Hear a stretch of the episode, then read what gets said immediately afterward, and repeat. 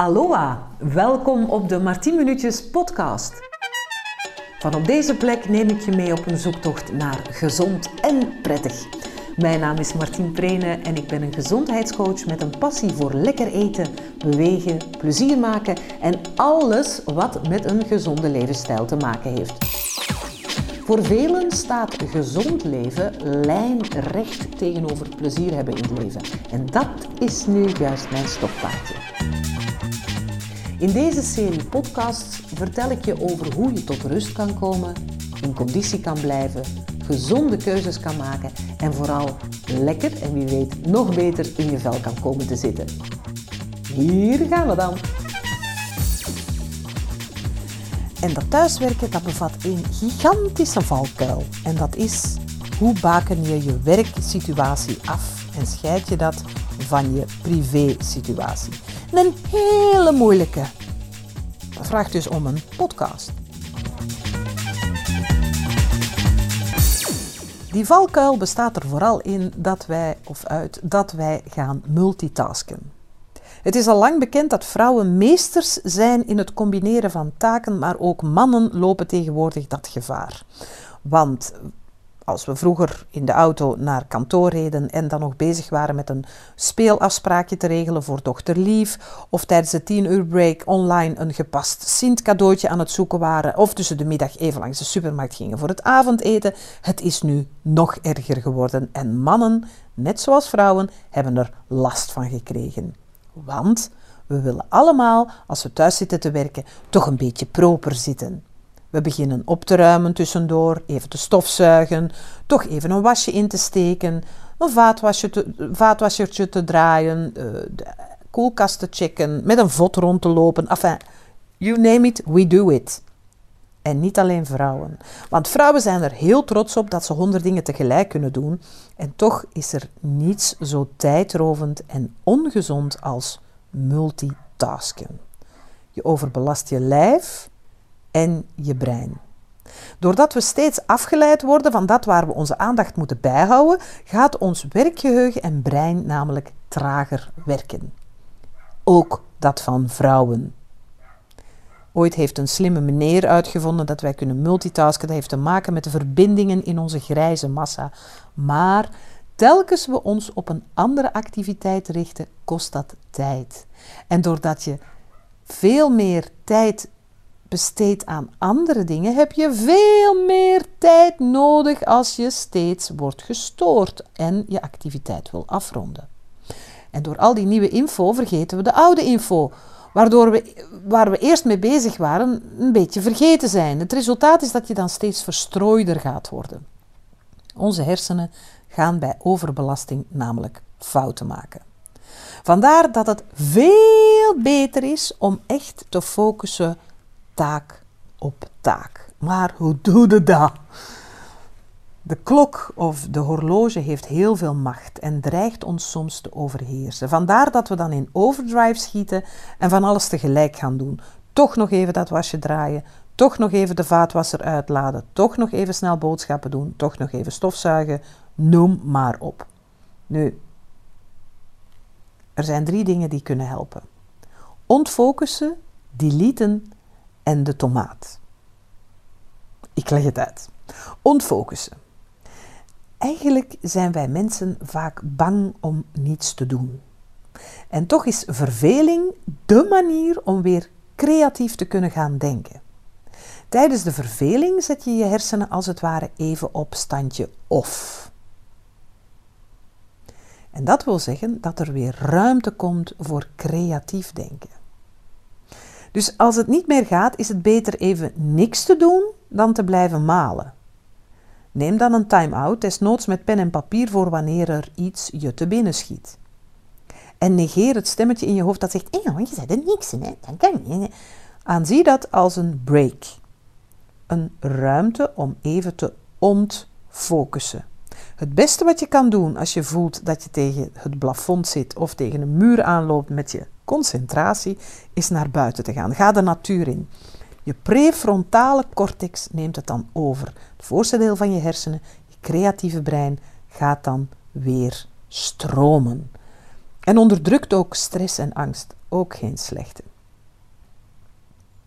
En dan deleten. Tijd overhouden door te deleten. Want natuurlijk zijn er tig leuke dingen die je in het leven naast je to-do-lijst zou kunnen doen. En die je eigenlijk wil doen. En als je niet meteen op iets komt wat je zou willen doen, dan zijn er nog de uitnodigingen en de lekkermakertjes die je via je internet en via je computer tegemoet springen. Dus uh, als je dan zegt van oké, het is 9 uur, ik zet mij achter mijn en ik begin eraan, dan poppen letterlijk de verleidingen naar boven. Of het nu je social media uh, chatboodschappen zijn, of leuke reisjes waar je al eens naar hebt lopen surfen, want je wil na de corona-toestanden toch echt wel weer op vakantie. Of het is een leuke webshop met een nieuwe collectie voor de lente. Het maakt niet uit. Een heleboel dingen springen, poppen je als het ware tegemoet. En dat komt doordat je in een goede creatieve bui ergens je e-mail invulde bij het vakje dat ze je wel op de hoogte mogen houden van.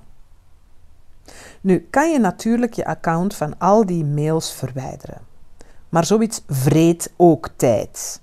Het is vaak een hele klus om de juiste pagina te vinden waar je op de delete knop kunt drukken of je account kunt verwijderen, want die netwerken maak je het niet makkelijk hè, om je account weer op te zeggen. Want dan is het van, bent u zeker? Of uh, êtes-vous sûr? Of are you sure? Of hebben we misschien te veel gestuurd? Of waarom? Of misschien wat minder? Nu, het kan handiger. Er is de site justdelete.me. Justdelete.me. Die kan soelaas bieden. Want via die site kun je makkelijk de account deactiveren of je pagina verwijderen. De grote sociale sites staan daar netjes op een rijtje met directe links naar deactivatie of verwijderen. Dus geen weet je het zeker, maar direct de juiste knop zodat het ophoudt. Handig en het bespaart een hoop tijd om lekker even niks te doen en vervolgens weer te focussen. Hm? Nu, ik zei het al, blijf bij één taak.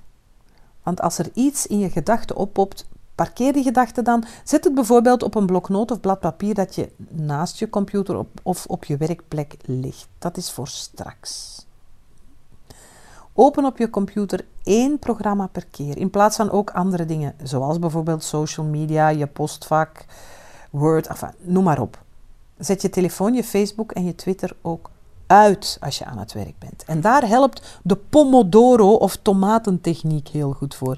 Een pomodoro is tomaat in het Italiaans. En de Italiaanse student Francesco Cirillo bedacht op een bepaald moment dat de kookwekker van zijn moeder, en dat was toevallig in de vorm van een tomaat, dat hij een perfect hulpmiddel kon zijn om geconcentreerd te werken.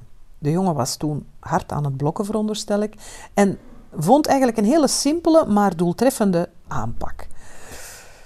Dus, met andere woorden, door middel van de kookwekker ben je in staat om voor jezelf een duidelijk afgebakende en geconcentreerde periode in te lassen. En zo kan je brein gericht werken en word je, als je de instructies van de Pomodoro-methode volgt, niet gestoord. Je kan het googlen, maar ik wil, of er zijn ook boeken over geschreven, maar ik kan het je ook wel uitleggen. Het is eigenlijk poepsimpel. Het komt hierop neer. Een paar eenvoudige stappen, vijf eenvoudige stappen. 1. Je kiest één taak. Ik zeg maar bijvoorbeeld, ik ga een overzicht maken van de filmpjes die ik de komende maand ga maken.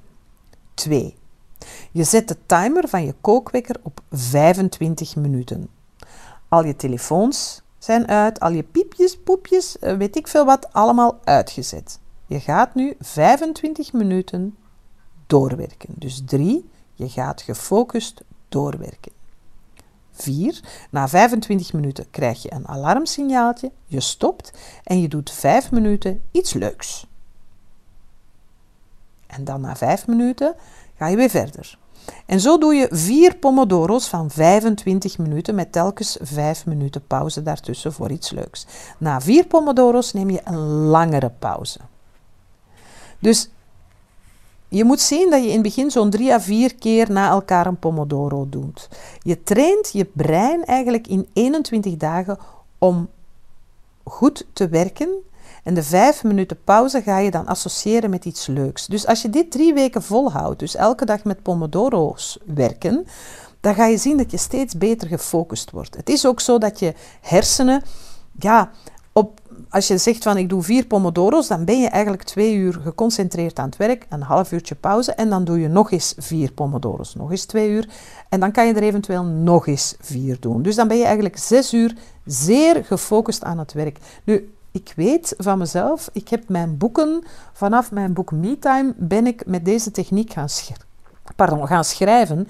En dat werkt zo ongelooflijk goed. Want ehm, ik ben iemand die wiens gedachten altijd een loopje met haar nemen.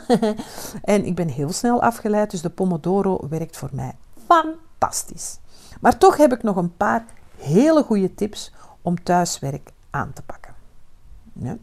Dus thuiswerken is nu iets van deze tijd. Het is handiger, want je hebt natuurlijk geen filestress. En naschoolse opvang kan je ook wel wat makkelijker regelen. Maar sommige thuiswerkers zijn, zijn, zijn ondertussen ja, heel goed daarmee geworden. Hè. Hiervoor waren we een soort van wifi-nomaden die in favoriete cafés gingen zitten met onze laptop. Uh, maar nu is het meestal de keukentafel of als je geluk hebt, je kantoortje. En dat heeft zo zijn voor- en zijn nadelen. Mm uh, en één daarvan is die valkuil waar ik het er net over had. Dus om thuis goed in je workflow te komen, zijn er een paar hele goede tips die ik je wil meegeven. De eerste is: zorg voor een eigen werkplek. En leer je gezin dat dat jouw werkplek is en dat je als je daar aan het werk bent niet gestoord mag worden. Dat is een hele belangrijke. Want Jij mag wel heel gefocust voor die computer zitten of boven je boeken of boven dat wat je moet doen. Maar als andere ja, stoorzendertjes de hele tijd bij je komen en dingen komen vragen, werkt het natuurlijk ook niet. Dus communicatie over jouw eigen werkplek is belangrijk.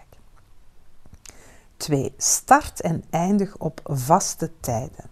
Zo krijg je sowieso veel meer af. Respecteer je huisgenoten je werktijden beter en kan je anderen ook op de hoogte brengen dat je tijdens je werktijden je voicemail afzet en geen telefoons ontvangt. In deze coronatijden is het, uh, zeggen heel veel mensen die thuiswerken, hoe moeilijk het is, omdat iedereen weet dat je thuis bent. Dus je wordt veel vaker opgebeld en werktijden worden zeer slecht gerespecteerd door anderen. Vandaar dat het heel makkelijk is als je dat aan anderen doorgeeft en twee, dat je je voicemail aanzet. Respecteer die werktijden ook zelf en ga dan dus niet tussendoor van alles gaan doen. Hè? Maar dat is dus die valkuil. Dat multitasken waar we liever niet meer aan doen. 3. Hou je werk en privé strikt gescheiden. Echt gescheiden. Heel een belangrijke. 4. Vermijd dus de stoorzenders. Zorg dus voor een rustige werkomgeving. Liever geen muziek of anders heel zachtjes op de achtergrond. Gebruik eventueel de Pomodoro-techniek. Zorg ook dat je uitgeslapen bent. Hele belangrijke. En negeer het nieuws en social media. Ook wanneer er weer gevaccineerd is of er is weer een mutatie van een. Stop met daar naar te luisteren of het steeds te lezen. Eén keer per dag het nieuws beluisteren of bekijken is meer dan genoeg voor jouw systeem. Laat staan dat je er soms niet acuut ambetant van wordt. 5. Maak een to-do-lijstje wekelijks en een dag van tevoren. Er bestaan apps en technieken die je kunnen helpen om een goede to-do-lijst te maken. Bewaar je to-do-lijst op één plek waar je hem niet uit het oog verliest en waar je kan afvinken wat er al is gebeurd. Dat is ook een positieve stimulans. En word geen slaaf hè, van je lijst. Beperk de tijd, bouw ook een eindpunt in en zet er niet te veel op. Ook zoiets waar vrouwen een handje van weg hebben. Te veel op de to-do-lijst in één dag. 6.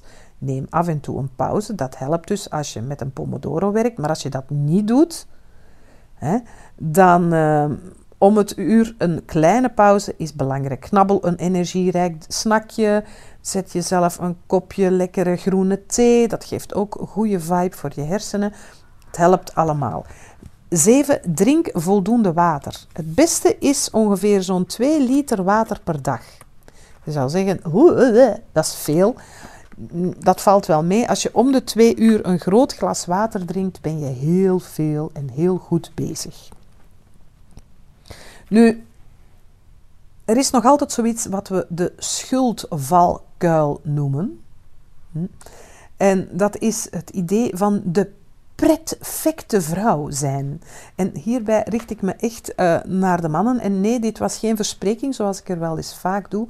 Een perfecte vrouw is een goede moeder, een goede vrouw en een carrière gecombineerd. Schijnbaar gaat een derde van de vrouwen onder ons gebukt onder een zwaar schuldgevoel en accepteren we dat als een deel van ons leven. Zo, uh, ja, schuldgevoel is slecht voor je gezondheid, hè, girls? Dat creëert stress. En dat maakt je zodoende ook ziek. Dat haalt je weerstand naar beneden. En als er iets is wat we in tijden van rondvliegende vieze virussen niet willen, dan is het een slechte weerstand. Dus dat geeft minder levenskwaliteit. Stop met dat zware schuldgevoel. Dus als je je schuldig voelt vanwege je werk, is het dringend tijd om daar iets aan te doen. En wel zo. Geef de zin om dat werk te doen vrij baan. Geniet van de voldoening, de complimenten en het feit dat je iets doet wat je goed kan en wat je graag doet. Je moet niet perfect zijn in alles, dus stop met die lat zo hoog te leggen. En breng al je rollen in balans door te weten dat elke vrouw zo haar talenten en blinde vlekken heeft. Hè? Delegeer zoveel mogelijk het stuk waar je minder goed in bent. En durf anders te denken. Durf anders te denken. Als er iets is waar ik, waarvan ik denk dat ik wel een voorbeeld kan zijn, dat is dan dat anders denken en anders leven op 56-jarige leeftijd, zoals ik, dat dat moet kunnen. Baken duidelijk jouw grenzen af, communiceer helder en assertief indien nodig. nodig. En een hele belangrijke, ook deze is weer ja, misschien is het omdat ik een vrouw ben, maar ik hoor het zo vaak door vrouwen zeggen. Dat innerlijke stemmetje. Verander dat eens. Ga eens van kan niet, mag niet, zal niet, altijd met mij naar let's kick some ass. En every downside has an upside. En jij gaat die vinden. Draai de dingen dus gewoon af en toe eens om in plaats van wat voel ik me moe, was ik maar op tijd naar bed gegaan, denk je wat was het gisteren tof, ik heb een leuke film gezien, ik heb lekker gebingewatcht en ja, daar laat ik graag eventjes mijn slaap voor, want wat hebben we gelachen en vanavond ga ik gewoon op tijd naar bed. Punt. En dan? Ik weet, dat is een hele moeilijke, ook voor mij. Luister af en toe naar kritiek. De reden dat het je soms zo boos maakt, is omdat er een kern van waarheid kan inzitten. Van opbouwende kritiek kan je absoluut leren. Dus trek je tenen in, hè, of rol je lontje op en denkt: wat kan ik hiermee doen?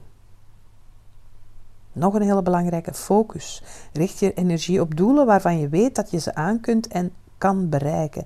Ga dus niet je verantwoordelijk voelen voor dingen die je niet wil of aan kunt en draag niet het gewicht van heel de wereld op je schouders.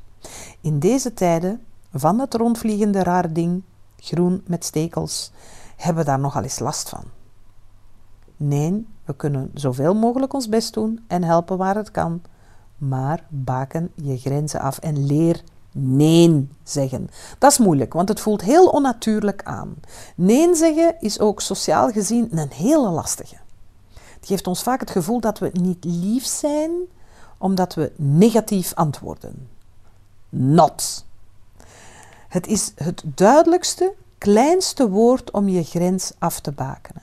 Dus neem controle en just say no.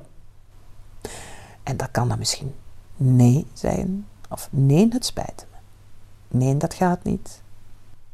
Als je bovenstaand lijstje, bovenstaand lijstje of het lijstje dat ik je net heb verteld in je oren knoopt, en daar echt drie weken intensief en bewust mee aan de slag gaat, dan kweek je een automatisme aan dat niet meer zo snel zegt: Ah ja, ja, ik pak het er wel bij. Maar dat je eerder zegt: Ja, sorry, maar dat gaat niet meer lukken voor vandaag. En dat is het, hè? Die me-time, wat een paar jaar geleden ineens als een hatelijk woord werd beschreven, is geen vies woord. Het is een woord wat ervoor zal zorgen, en ook een levensstijl die ervoor zal zorgen dat je, doordat je goed voor jezelf zorgt, ook veel beter er kan zijn voor anderen. Want het is toch iets waar velen last van hebben, het zorgen voor anderen in deze rare tijden is iets wat ons kan overspoelen. Naast het thuiswerk toch ook nog er zijn voor zieke buren, ouders, vrienden, vriendinnen, toch een boodschapjes gaan doen voor die of die. Ehm, naar ellendige, soms dramatische verhalen luisteren. Het kan ons overspoelen. En dan is het heel belangrijk dat je af en toe de tijd neemt en zegt: nu even me-time. En nee, dat is helemaal niet egoïstisch, dat is alleen maar gezond. Ik gebruik vaak de vergelijking van in een vliegtuig.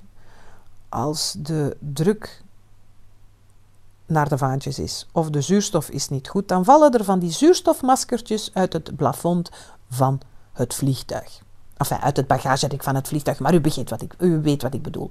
En dan wordt, het ook, wordt er ook heel duidelijk gezegd, als u kinderen begeleidt, moet u eerst uzelf van zuurstof voorzien en dan de kinderen. Dat heeft een reden. En de reden is heel simpel. Als je naar adem snakkend blauw aanloopt, kan je je kinderen niet veilig het vliegtuig uithelpen indien nodig. Als je niet genoeg zuurstof voor jezelf pakt, niet genoeg rust, niet genoeg plezier, niet gewoon dat gevoel van lala, he, he, even me-time. Als je dat niet genoeg doet, kan je er niet voor anderen zijn. Laat staan dat je dan nog lol hebt in je leven, omdat je alleen maar in functie leeft van anderen. Dus als er één ding is wat ook belangrijk is in het thuiswerkverhaal, dat is dat je jouw pauzes neemt. En dat de pauzes er niet alleen maar zijn om er voor anderen te zijn. Jouw pauze kan ook bijvoorbeeld zijn even gewoon je 25 minuten, omdat je vier pomodoro's hebt gedaan, je 25 minuten nemen om even een stukje van je favoriete serie te bekijken. Dat kan wel als je thuis werkt. Hè? Of ehm, gewoon even 25 minuten naar buiten met de hond, een beetje huppelen, een beetje onnozel doen. Of zet gewoon keihard muziek op en danst even. Want dat, hè, dames en heren, een beetje bewegen, een beetje lachen en de dingen even niet te serieus nemen, dat is zo een ongelooflijk heilzaam ding voor heel uw systeem.